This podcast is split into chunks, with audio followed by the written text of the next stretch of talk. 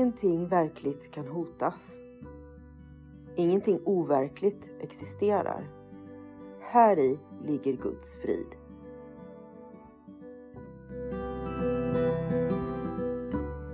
Mitt namn är Magdalena Wiklund och den här podden handlar om hur jag fann frid. Allting har sin grund i Helen Schuckmans uppenbarelser då Jesus dikterade det som sedan skulle bli boken En kurs i mirakler för henne. Jag kommer att referera både till kursen och till Bibeln eftersom Helen fick så mycket förklarat för sig av Jesus om hur vi egentligen bör tolka Bibeln.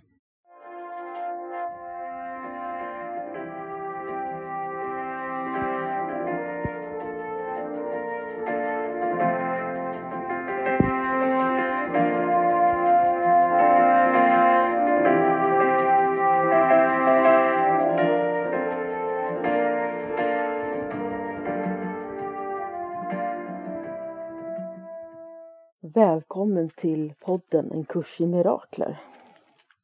Jag kommer att läsa textboken En kurs i mirakler för dig med eh, början med förordet rakt igenom hela boken till sista sidan av textboken. Vi börjar idag med förordet som börjar på sidan 13 och sträcker sig hela vägen till sidan 20. Förordet delas in i tre avsnitt hur den kom till, vad den är och vad den säger.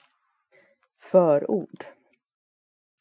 Detta förord skrevs 1977 som svar på mångas begäran om en kort introduktion till en kurs i mirakler. De första två avsnitten, hur den kom till och vad den är, skrev Helen Schuckman själv. Det sista avsnittet vad den säger tillkom genom den process av inre diktamen som beskrivs i förordet. Hur den kom till. En kurs i mirakler började med att två personer plötsligt beslutade sig för att arbeta tillsammans för ett gemensamt mål. Deras namn var Helen Schuckman och William Tetford, professor i medicinsk psykologi vid Columbiana universitetets institution för medicin och kirurgi i New York City. Det har ingen betydelse vilka det var, förutom att historien visar att tillsammans med Gud är allt möjligt. Det var allt annat än andliga.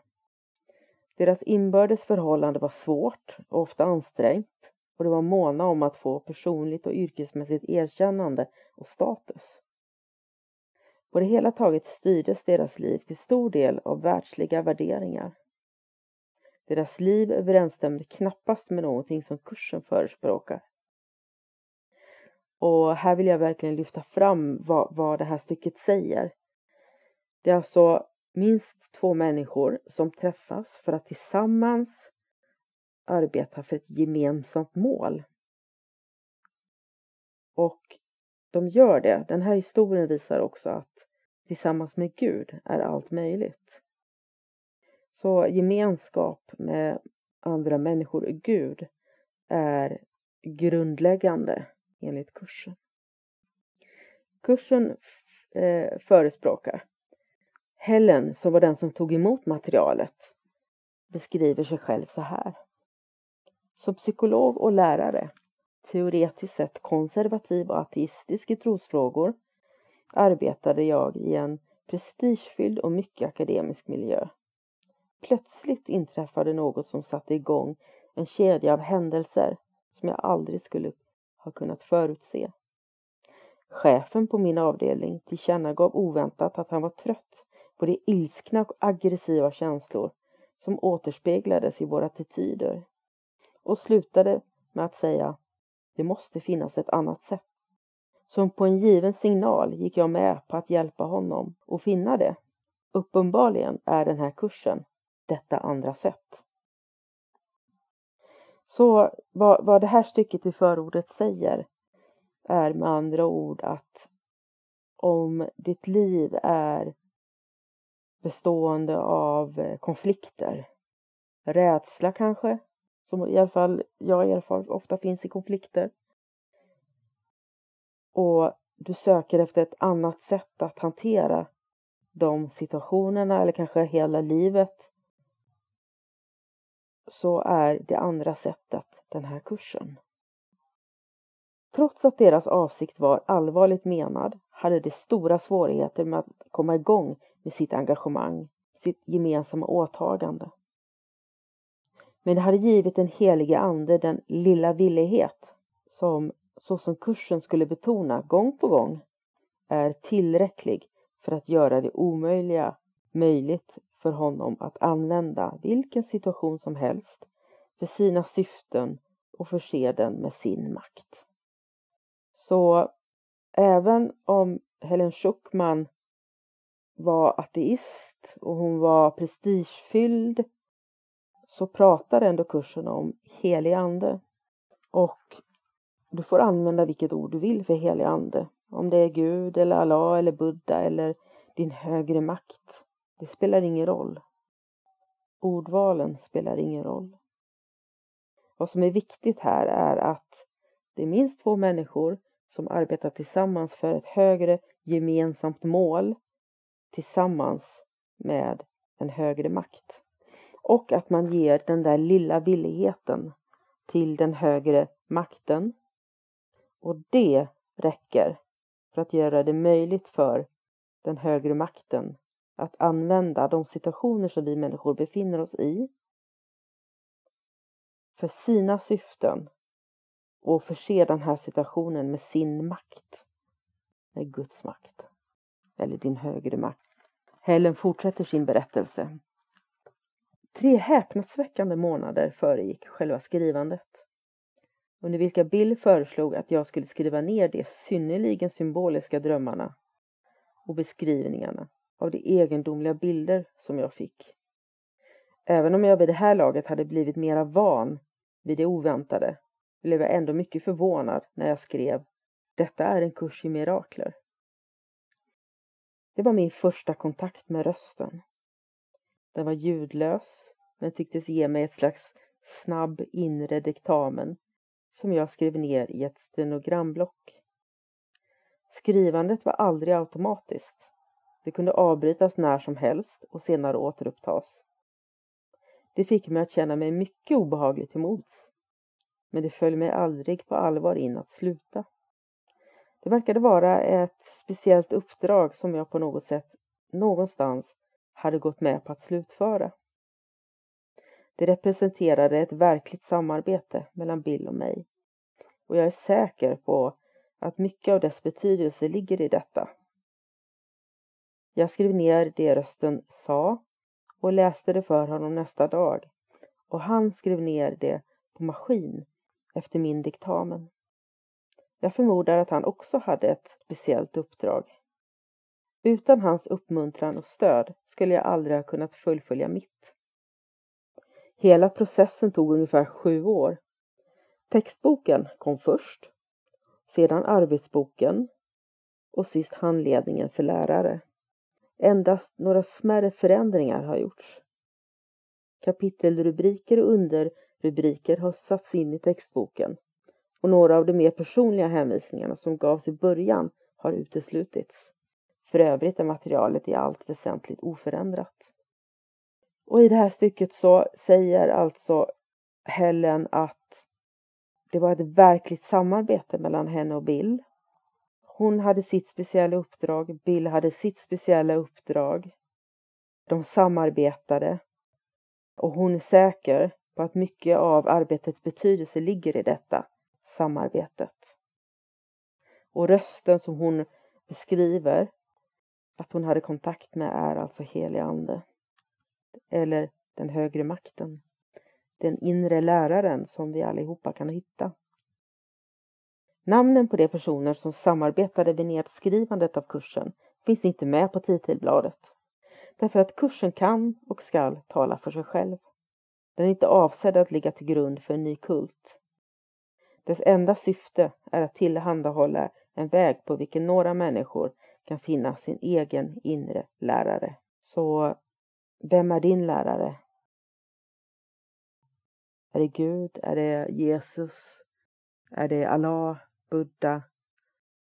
Är det någon som bara du känner till, som ingen annan vet någonting om? Vem är din inre lärare? Kursen kan hjälpa dig att hitta den här inre läraren. Vi tar lite musik och efter pausen så fortsätter vi med det andra stycket som handlar om vad kursen är för någonting.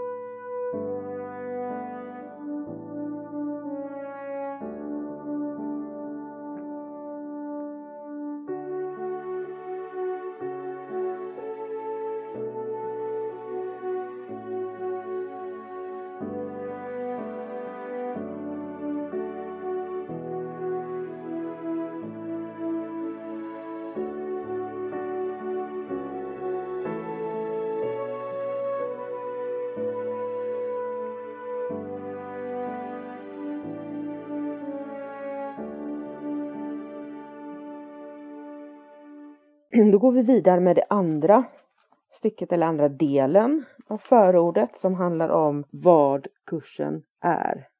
Som titeln antyder är kursen genomgående upplagd som ett läromedel. Den består av tre böcker. En textbok på 710 sidor, en arbetsbok på 525 sidor och en handledning för lärare på 100 sidor. I vilken ordning eleverna väljer att använda böckerna och det sätt de läser den på beror på vars och ens speciella behov och vad de föredrar. Den läroplan som kursen föreslår är noggrant genomtänkt och förklaras steg för steg både på teoretiska och praktiska nivåerna. Den betonar tillämpning snarare än teori och upplevelse snarare än teologi. Den fastslår bestämt att en universell teologi är omöjlig men en universell upplevelse är inte endast möjlig utan nödvändig. Och det här citatet, det, det tänker jag upprepa för det är så viktigt. Eh, kursen fastslår bestämt att en universell teologi, alltså läran om Gud, är omöjlig. Men en universell, alltså världsomfattande upplevelse är inte endast möjlig utan nödvändig. Så vad det här citatet säger är att vi kan inte ha gemensamma trosuppfattningar, gemensamma namn för Gud, men vi kan uppleva samma sak. En universell upplevelse. Och vi inte bara kan, utan det är helt nödvändigt att vi också gör det. Även om kursen är kristen i sin framställning behandlar den universella andliga ämnen. Den betonar att det endast är en version och den universella läroplanen. Det finns många andra och den skiljer sig från dessa endast till formen. Till sist leder det alla till Gud. Så som jag sa tidigare, kursen pratar om helig ande, om Gud och eh, den kommer också längre fram att nämna Jesus. Det här är bara en form inte så mycket innehåll på det sätt som det brukar vara i de sedvanliga religionerna. Det här är bara en form. Det finns många former som innehåller samma sak och det leder allihopa till den som är Gud för dig. Textboken är till stor del teoretisk och för fram det begrepp på vilka kursens tankesystem är baserade. Dess tankegångar innehåller grunden för arbetsbokens lektioner. Utan den praktiska tillämpning som arbetsboken tillhandahåller skulle textboken till stor del förbli en rad abstraktioner vilka knappast skulle vara tillräckliga för att åstadkomma den omvändning i tänkandet som kursen syftar till. Så att kursen är väldigt abstrakt och för att verkligen förändra någonting inom oss själva så behöver vi också arbetsboken med lektionerna som är rent praktiska. Och tanken här är då att vi ska få en omvändning i våra tänkande. Arbetsbokens omfattning är 365 lektioner. en för varje dag under året. Det är emellertid inte nödvändigt att göra lektionerna i den takten. Och man vill kanske stanna vid en särskilt tilltalande lektion mer än en dag. Instruktionerna betonar endast att man inte bör försöka sig på mer än en lektion per dag. Arbetsboken Praktiska natur framhävs i inledningen till lektionerna som betonar upplevelse genom tillämpning snarare än en tidigare förpliktelse till ett andligt mål. Eh, och det här nämndes ju i tidigare stycke, att kursen betonar tillämpning snarare än teori och upplevelse snarare än teologi. Vi kan inte ha en gemensam teologi men en gemensam upplevelse. Och genom arbetsboken är det alltså upplevelse genom tillämpning. Några av de tankegångar som arbetsboken för fram kommer du ha svårt att tro på. Och andra kan tyckas fullkomligt häpnadsväckande. Detta har ingen betydelse. Du ombeds bara tillämpa tankegångarna på det sätt som du är anvisad. Du ombeds inte att bedöma dem överhuvudtaget. Du ombeds bara att använda dem. Det är genom att använda dem som det, har, som det blir meningsfulla för dig och kommer att visa dig att det är sanna. Kom bara ihåg detta. Du behöver inte tro på tankegångarna. Du behöver inte acceptera dem och du behöver inte ens välkomna dem. Några av dem kanske du aktivt gör motstånd mot. Ingenting av detta har någon betydelse, inte heller minskar det deras verkan. Men tillåt dig inte att göra undantag när du tillämpar tankegångarna som arbetsboken innehåller. Och hur du än reagerar på dessa tankegångar, använd dem. Ingenting mer än detta begärs. Och om det här stycket så känner jag att vad enkelt. Det kände jag redan första gången jag läste det, var enkelt. Jag tror att vi människor har väldigt lätt för att göra saker komplicerade i vårt liv. Jag har det definitivt. Jag vill gärna förstå saker teoretiskt och utvärdera dem på något sätt innan jag prövar dem. Men det är egentligen svårt att göra och jag tror också att det blir svårt för mig att få den sanna upplevelsen av någonting om jag redan i förväg ska rama in det i mina förutfattade meningar. Och den här kursen erbjuder ju en annan väg än den väg som jag redan har vandrat i mitt liv.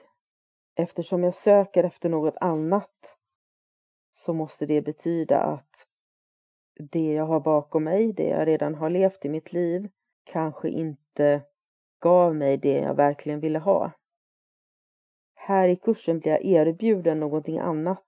Och om jag då har levt, jag är 48 år gammal, om jag har levt i 48 år på ett sätt som inte riktigt gav mig allt det jag ville ha, trots att jag har använt min utbildning, mitt förstånd, mina erfarenheter för att sålla i livet och försöka få det jag vill ha och behöver. Hur ska jag, om jag ändå, ändå inte lyckats få allt det jag vill ha i mitt liv för att finna den här inre friden och kärleken. Hur ska jag då kunna bedöma om det här kursen kommer att kunna ge mig det jag vill ha? Det kan jag inte. Jag tror inte jag kan bedöma det. Utan istället för att stanna upp och vänta och bedöma så har jag gjort kursen. Jag har gjort varje lektion så som jag blivit anvisad och tagit till mig av upplevelsen. Precis så som den rekommenderar. Och det är ju då de här fantastiska andliga erfarenheterna kommer. Handledningen för lärare slutligen, som har skrivits i form av frågor och svar, besvarar några av de frågor som det är troligt att en elev kommer att ställa. Den innehåller också ett klargörande av en del av de begrepp som kursen använder och förklarar dem inom textbokens teoretiska ram. Kursen gör inga anspråk på att vara slutgiltig. Inte heller är arbetsbokens lektioner avsedda att göra elevens inlärning fullständig. Till sist lämnas läsaren i händerna på sin egen inre lärare som kommer att leda all vidare inlärning på det sätt han finner lämplig. Även om kursen är betydande i omfång kan sanningen inte inskränkas till någon begränsad form, vilket tydligt framgår av det som sägs i slutet av arbetsboken. Och innan jag läser det som står i slutet på arbetsboken så vill jag återigen nämna att eh, det är vår egen inre lärare som var och en av oss finner genom att göra kursen. Och kursen är inte slutgiltig på något sätt. Det är en början på någonting istället. Och när du har gjort kursen så finns det en fortsättning där du kan lyssna inåt till din egen inre lärare som kommer att hjälpa dig framåt. I slutet av arbetsboken så står följande. Den här kursen är en början, inte ett slut. Du kommer inte att få några fler specifika lektioner, för det behövs inte längre. Hör hädanefter endast rösten för Gud. Han kommer att leda dig i dina ansträngningar och tala om för dig exakt vad du ska göra, hur du ska styra ditt sinne och när du ska komma till honom i tystnad och be om hans säkra ledning och hans osvikliga ord. Så rösten för Gud, den finns inom dig.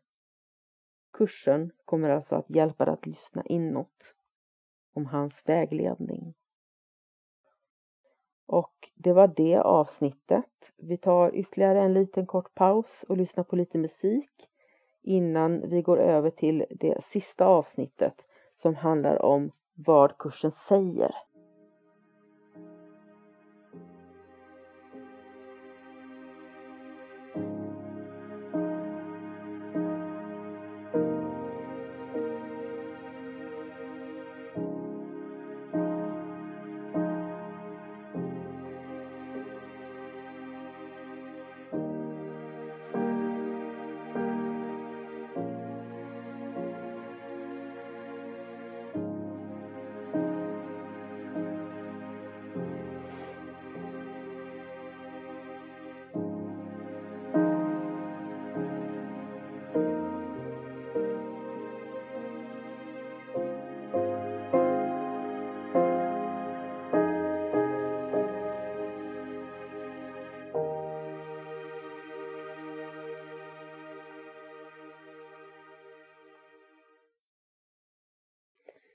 Välkommen tillbaka. Då läser jag det sista, den sista delen i förordet som handlar om vad kursen säger. Ingenting verkligt kan hotas. Ingenting overkligt existerar. Här i ligger Guds frid. På detta sätt inleds en kurs i mirakler.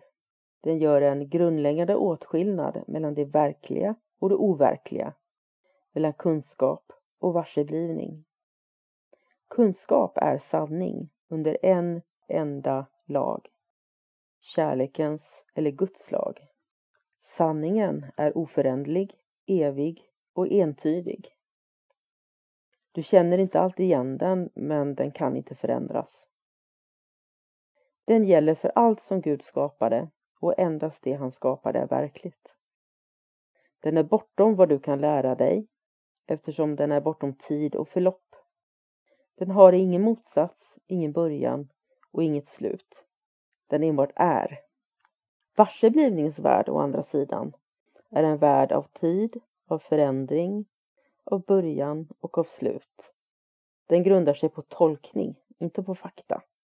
Den är en värld av födelse och död, byggd på övertygelsen om brist, förlust, separation och död. Den är en värld vi lärt oss, lärt oss snarare än någon vi givit.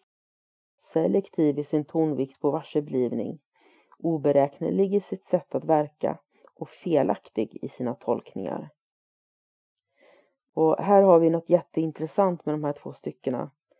Det första stycket beskriver vad kunskap är, att kunskap det är det som Gud har skapat, som har givits oss.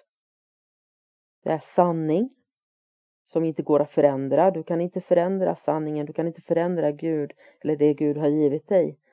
Eh, och kunskapen är evig och entydig. Medan å andra sidan varseblivningen, det är det vi själva gör Det är alltså en, den världen där vi har tid, vi har förändring, det är oförutsägbart, saker kommer, saker försvinner, början och slut. Och vi tolkar istället för att ha fakta. Och inte nog med att vi tolkar, utan vi gör dessutom felaktiga tolkningar. Därför att varseblivning är på ett sådant sätt. Den är felaktig i sina tolkningar. Så går man då tillbaka till det som sägs först här, ingenting verkligt kan hotas. Det Gud har skapat, det är det som är verkligt och det kan inte hotas. Ingenting overkligt existerar. Jag är felaktig i mina tolkningar. Så det jag tolkar är fel. Det är inte sant, det existerar inte. Här i ligger Guds frid. Och en sån frihet, det är att inse att allt det jag gjort i mitt liv, i mitt tankesystem, är felaktiga tolkningar. Och att det Gud har skapat är evigt, entydigt och oföränderligt och inte har någon motsats. Ur kunskap respektive varseblivning uppstår två tydligt åtskilda tankesystem, vilka är varandras motsats i varje avseende.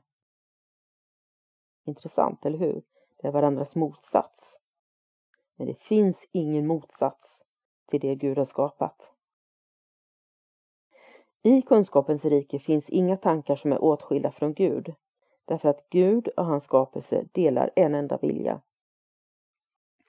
Varseblivningens värld är emellertid gjord av övertygelsen om motsatser och separation i viljor, i evig konflikt med varandra och med Gud.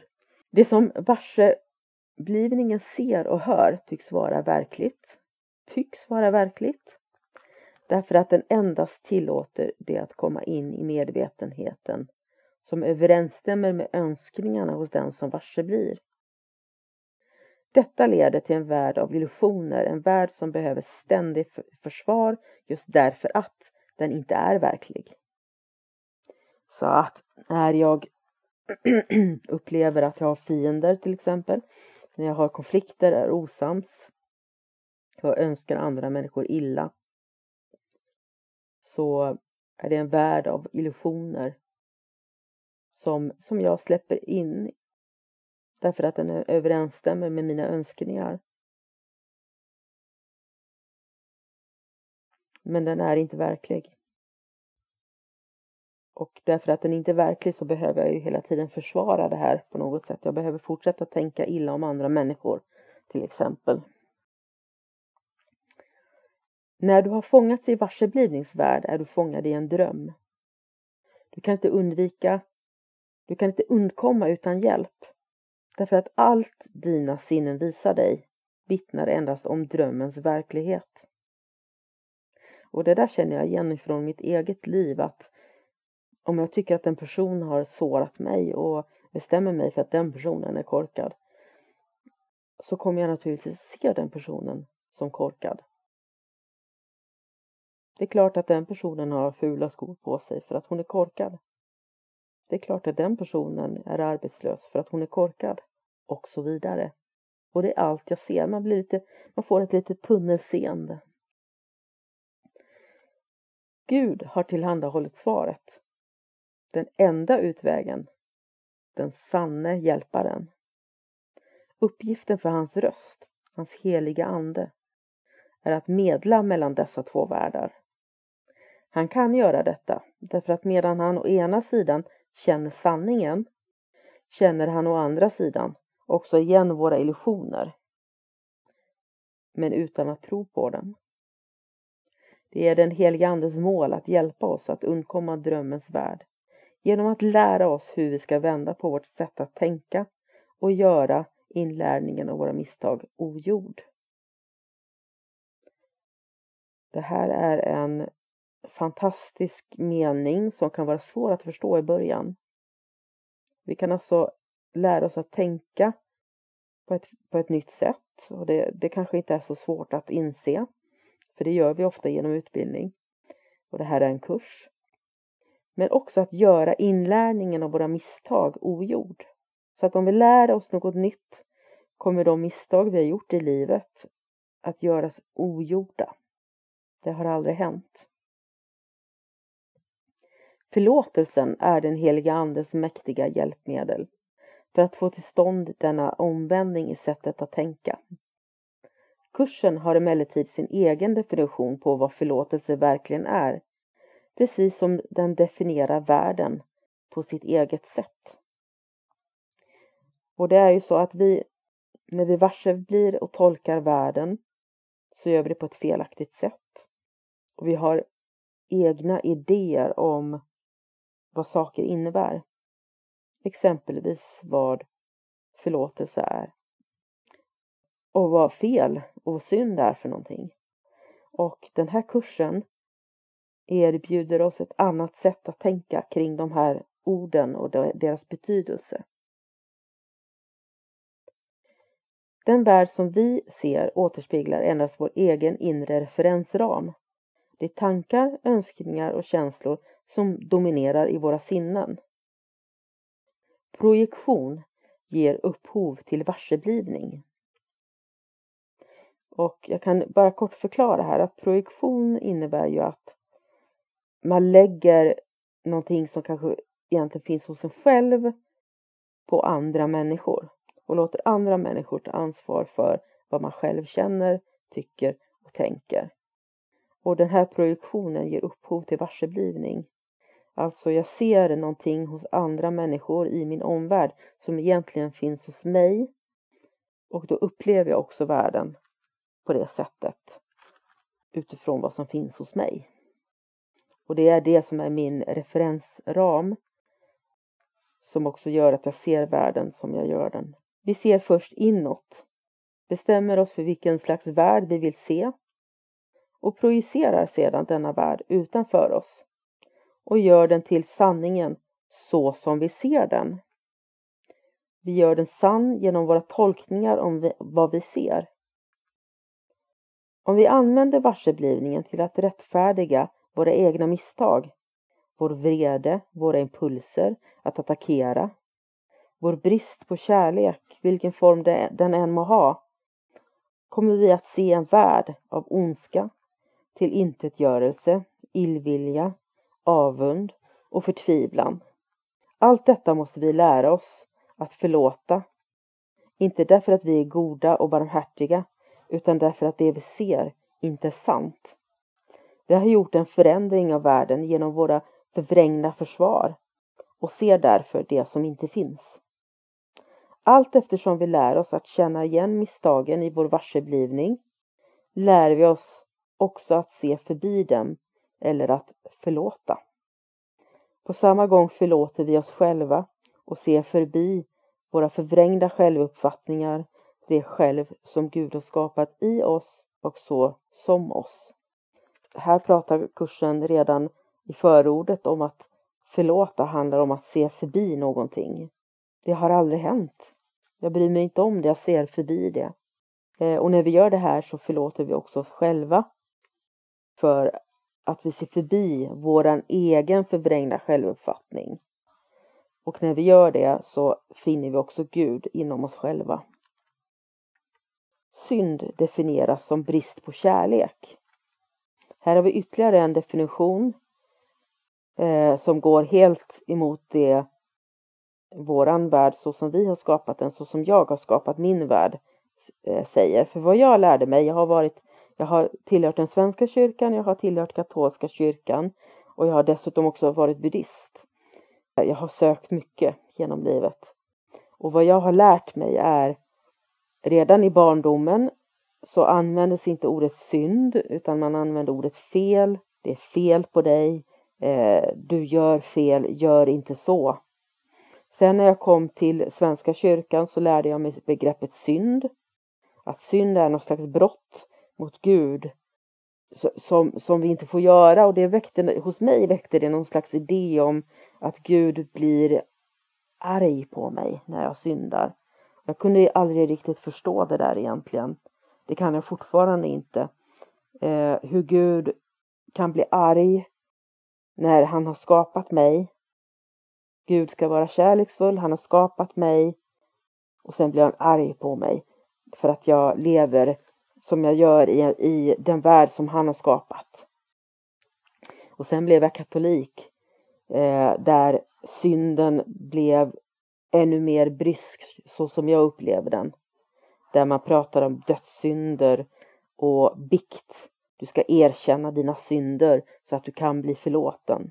Så synd har, har jag uppfattat som något felaktigt, som något eh, definitivt, som något som gör mig som individ fel. Men kursen pratar om synd som brist på kärlek. Och jag tänker att om man har brist på någonting så kan man också få tillbaka det. En brist går att åtgärda och den, det är ingenting som är fel i det utan det är bara en brist. Och sen fortsätter texten och säger att eftersom, eftersom kärlek är det enda som finns är synd enligt den heliga andes sätt att se ett misstag som ska rättas snarare än något ont som ska bestraffas. För att vi sa ju här tidigare i, i förordet att det, det, vi, vi människor har skapat en värld, eller gjort en värld. Gud skapar, människan gör. Vi har gjort en värld på grund av våran varseblivning. Men det är en, en felaktig eh, varseblivning som inte bygger på fakta. Varseblivning och fakta är två olika saker. Gud har fakta, vi människor har varseblivning. Så den värld vi har skapat av, av hat och synd finns inte. Gud har skapat och han har bara skapat kärlek. Och det är därmed det enda som finns. Det är bara kärlek som finns, ingenting annat. Så det är ett misstag att tro på synden. Och det här misstaget det kan vi rätta. Vår känsla av otillräcklighet, svaghet och ofullkomlighet kommer av vår starka investering i bristprincipen som styr hela världen av illusioner. Ur denna synvinkel söker vi hos andra det som vi känner saknas hos oss själva. Vi älskar en annan för att få någonting själva. Detta är faktiskt det som i drömmens värld kallas för kärlek. Det kan inte finnas något större misstag än detta. För kärleken är oförmögen att be om någonting. Så återigen så beskriver kursen ett begrepp på ett helt annat sätt än det vi människor är vana vid. Kärlek kan inte be om någonting. Endast sinnen kan verkligen förenas och dem Gud har fogat samman kan ingen människa skilja åt. Detta är emellertid endast på Kristussinnets nivå som sann förening är möjlig och faktiskt aldrig gått förlorad. Det lilla jaget försöker upphöja sig självt genom yttre godkännande, yttre ägodelar och yttre kärlek. Självet som Gud skapade behöver ingenting. Det är för evigt fullständigt tryggt, älskat och kärleksfullt. Det söker dela med sig snarare än att få, att utsträcka sig snarare än att projicera. Det har inga behov och vill förena sig med andra utifrån deras gemensamma medvetenhet om överflöd. I katolska kyrkan så har jag erfarenhet av att man pratar, det gör man nog också i svenska kyrkan, eh, i samband med bröllop. Att det Gud har fogat samman kan ingen människa åtskilja. Och vad som är viktigt att tänka på här det är att förutom att det är två människors inre som förenas så är det också enligt människors sätt att se det två kroppar som förenas. Och enligt katolska kyrkan till exempel finns ingen synd eller finns ingen skilsmässa. Det är inte acceptabelt. Därför att det Gud har fogat samman kan får människan inte åtskilja. Men här så säger kursen att det Gud har fogat samman kan ingen människa skilja åt. Det, det är omöjligt att göra det. För att vi pratar om två olika nivåer. Vi pratar dels om, om den nivå som vi människor tror att vi befinner oss på, som ofta och mycket är väldigt fysisk. Och där är det lätt att säga att vi inte får åtskilja det Gud har fogat samman. Men det är ju bara, bara våran illusion, vår knepiga verklighetsuppfattning som tror att den värld vi lever i av eh, kroppar, eh, av synd och skam och allt det här, att den finns. Men kursen säger att det är bara på Kristus sinnets nivå som förening är möjlig och faktiskt aldrig gått förlorad. Kristus sinne. Vi har, vi har en del av vårt sinne är, vår, är som, som vårt ego och en, en annan del av sinnet tillhör faktiskt Gud. Och det lilla jaget försöker upphöja sig självt. Eh, självet som Gud skapade behöver ingenting. Vårat själv, så det sanna självet som Gud har skapat behöver ingenting och är ett med Gud och ett med alla andra människors sinnen också. Världens speciella relationer är destruktiva, själviska och barnsligt självupptagna. Men om det överlämnas till den heliga Ande kan dessa relationer bli det heligaste på jorden. Miraklen som visar vägen tillbaka till himlen. Världen använder sina speciella relationer som ett sista vapen för uteslutning och som ett bevis på separation. Den heliga Ande omvandlar dem till fullkomliga lektioner i förlåtelse och till att vakna ur drömmen. Var och en är ett tillfälle att låta varseblivningen bli helad och misstagen rättade. Var och en är en ny chans att förlåta sig själv genom att förlåta den andre. Och var och en blir ännu en inbjudan till den heliga Ande och till hågkomsten av Gud. Alltså världens speciella relationer, alltså den värld som vi människor har varseblivit. Vi har ju så många speciella relationer i, i den här världen. Det är vi och dem. Det är jag och min man. Det är jag och barnen. Det är jag och min arbetsgivare, jag och mina arbetskamrater. Och alla människor som inte tillhör de här speciella relationerna är ju utanför. Och de här speciella relationerna beskrivs också som destruktiva, själviska och barnsligt självupptagna. Och det är klart, för det handlar ju om dig och mig och ingen annan.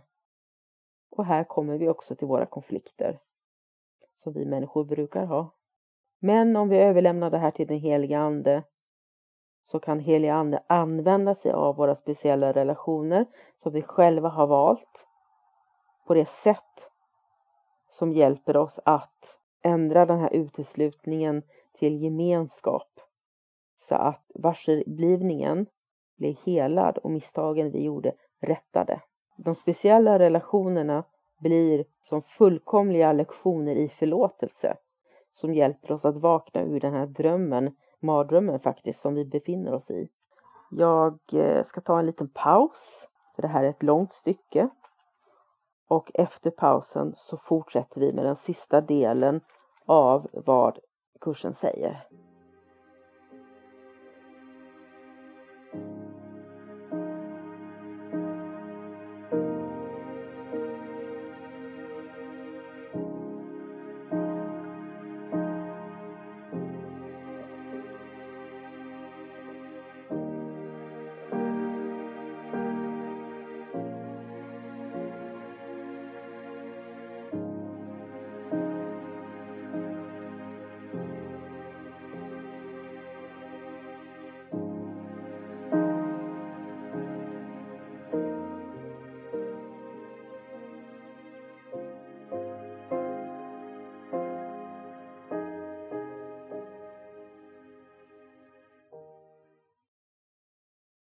Varseblivningen är en kroppslig funktion och representerar därför en begränsning av medvetenheten. Varseblivningen ser genom kroppens ögon och hör genom kroppens öron. Den framkallar de begränsade reaktioner som kroppen har. Kroppen förefaller till stor del vara självmotiverad och självständig, men i själva verket svarar den endast på sinnets avsikter. Om sinnet vill använda den till attack i någon form blir den ett offer för sjukdom, åldrande och förfall. Om sinnet istället accepterar den heliga Andes syfte med den blir den en, ett användbart sätt att kommunicera med andra. Osårbar så länge den behövs och varsamt lagd åt sidan när den inte längre är till någon nytta. I sig själv är den neutral, liksom allt i varseblivningens värld.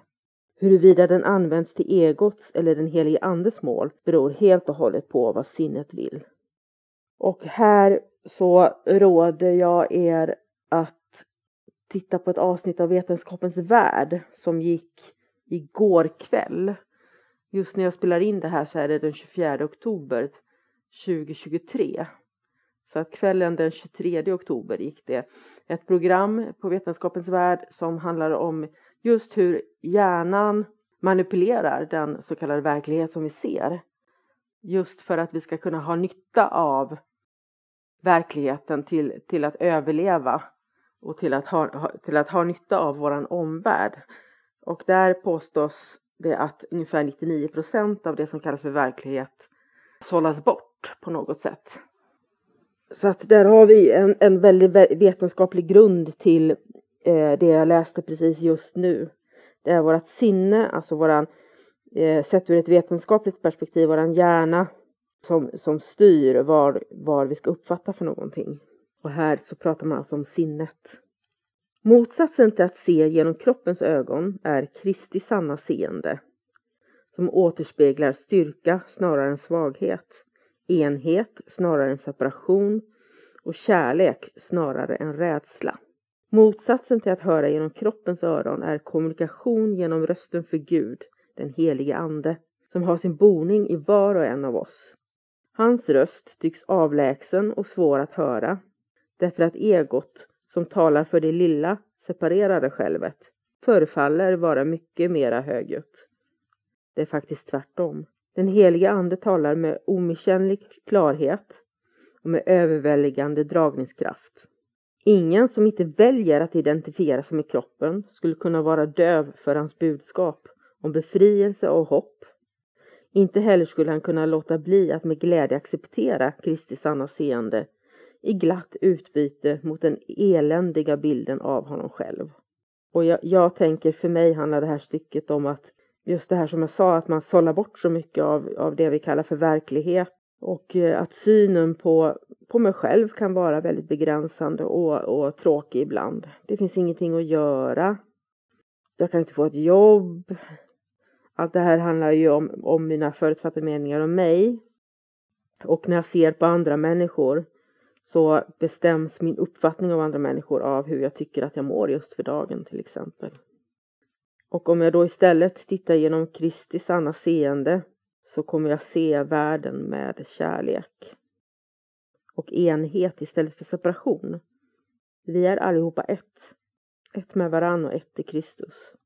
Kristi sanna seende är den heliga Andes gåva, Guds alternativ till illusionen om separationen och till övertygelsen om syndens, skuldens och dödens verklighet. Det är det enda som rättar alla misstag i varseblivningen. Sammanjänkningen av de skenbara motsatser på vilka den här världen grundar sig. Dess vänliga ljus visar allt ur en annan synvinkel och återspeglar det tankesystem som uppstår ur kunskap och som gör återvändandet till Gud inte bara möjligt utan oundvikligt. Det som betraktades som orättfärdigheter som begåtts mot någon av någon annan blir nu ett rop på hjälp och förening.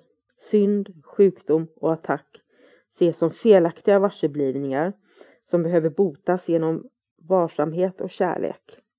Försvaren läggs ner därför att där det inte finns någon attack finns det inget behov av dem. Våra bröders behov blir våra egna eftersom de färdas tillsammans med oss på vägen till Gud. Utan oss skulle de gå vilse, utan dem skulle vi aldrig finna våran egen väg. Och här återigen så pratar kursen om att vi är ett med varandra, vi behöver varandra. Och vi är också ett med Gud. Så att det, det, vi har ju begått ett misstag i vår varseblivning av världen där vi ser allting som separerat. Och istället så, så hänvisas till den kunskap som kommer ifrån Gud som gör att vi ser oss själva med, som ett med Gud. Det blir oundvikligt att återvända till Gud och att vi behöver göra det tillsammans med varandra. Förlåtelsen är okänd i himlen, där behovet av den skulle vara obegripligt. I den här världen är emellertid förlåtelsen en nödvändig rättelse av alla de misstag som vi har gjort. Att erbjuda förlåtelse är det enda sättet för oss att få den. För den återspeglar himlens lag. Att ge och att få är detsamma. Himlen är det naturliga tillståndet för alla Guds söner så som han skapade dem. Detta är deras verklighet för evigt. Den har inte förändrats därför att den fallit i glömska. Så det jätteviktiga i det här stycket för mig är att komma ihåg att dels förlåtelse, det enda sättet att få det är att ge det till någon annan. Därför att att ge och att få är detsamma. Och det här går ju naturligtvis helt emot det som världen har lärt, lärt oss. Eh, ibland ger vi för att vi vill ha någonting tillbaka. Alltså business as usual. Och det, det, det är ofta sådana saker att man säger jag bjuder dig på en kopp kaffe, du kan bjuda igen vid ett annat tillfälle. Det är väl kanske inte riktigt att ge. Medan, medan här så säger kursen att att ge och att få är samma sak. Och grunden till det är ju att vi är detsamma. Vi är ett. Det är egentligen skillnad mellan dig och mig. Vi är ett sinne. Vi behöver bara lära om och återfå vår förmåga att se det. Ger jag dig någonting så har jag gett mig själv. Och det här stämmer ju så väl överens med Alltså tänk att, tänk att eh, om man befinner sig på en båt och att det är en person som mår dåligt. Det finns ingenstans att ta vägen, ingenstans att gömma sig utan man sitter där och det är en person som mår dåligt. Det kommer naturligtvis att gå över eh, ut över alla andra också. Om en person mår dåligt så kommer det påverka alla andra. Om det är krig någonstans i världen så kommer det också påverka andra människor, andra länder. Så att för, att för att jag ska kunna må bra så måste också du må bra. Att ge är att få. Och att få är att ge. Och det här är himlens lag. Och himlen är det naturliga tillståndet för oss allihopa som är Guds söner eller Guds döttrar om man vill uttrycka det så. Och det här är den verkligheten, verkligheten för evigt. Det är bara det att vi inte ser det. Därför att vi lever i en varseblivning istället för kunskap. Och det har inte förändrats. Det har bara fallit i glömska. Så vi måste återfå minnet och komma ihåg det här återigen. Förlåtelsen är det enda medel genom vilket vi kommer att minnas. Så att om vi förlåter så kommer vi att minnas att vi redan är i himlen, ett med Gud och ett med varandra. Genom förlåtelsen blir världens tänkande omvänt. Den förlåtna världen blir porten till himlen. För genom dess nåd kan vi till sist förlåta oss själva. Genom att inte hålla någon fången i skuld blir vi fria. Genom att erkänna Kristus i alla våra bröder känner vi igen hans närvaro i oss själva. Genom att glömma alla våra felaktiga varseblivningar och utan att någonting från det förgångna håller oss tillbaka kan vi minnas Gud. Mer än så kan vi inte lära oss. När vi är redo kommer Gud själv att ta det sista steget på vår väg tillbaka till honom. Och det var hela förordet det det är ju så att om vi håller andra människor fångna i skuld så kan man jämföra det med att de sitter i något slags fängelse där, där det är jag själv som är eh, fångvakten. Det här fängelset är skulden och jag, det är min plikt att se till att de inte kommer ut därifrån. För de är ju skyldiga. Problemet med det här är att jag måste själv befinna mig i det här fängelset för att kunna, kunna vara fångvaktaren som håller dem på plats. Enda sättet för mig att komma ut ur fångenskapen det är att lämna fängelset. Och då kommer den som sitter där i också kunna göra det. Så att när jag håller andra fångna så är jag själv också en fånge. Så att eh, genom att förlåta andra så blir jag också själv förlåten och vi blir fria båda två tillsammans. Oh, det var en riktigt, riktigt bra läsning. Kursen säger ju att det enda sättet att lära sig är att lära ut det vi själva behöver lära oss. Och när jag läser och kommenterar det här så får jag ut så oerhört mycket av det själv också.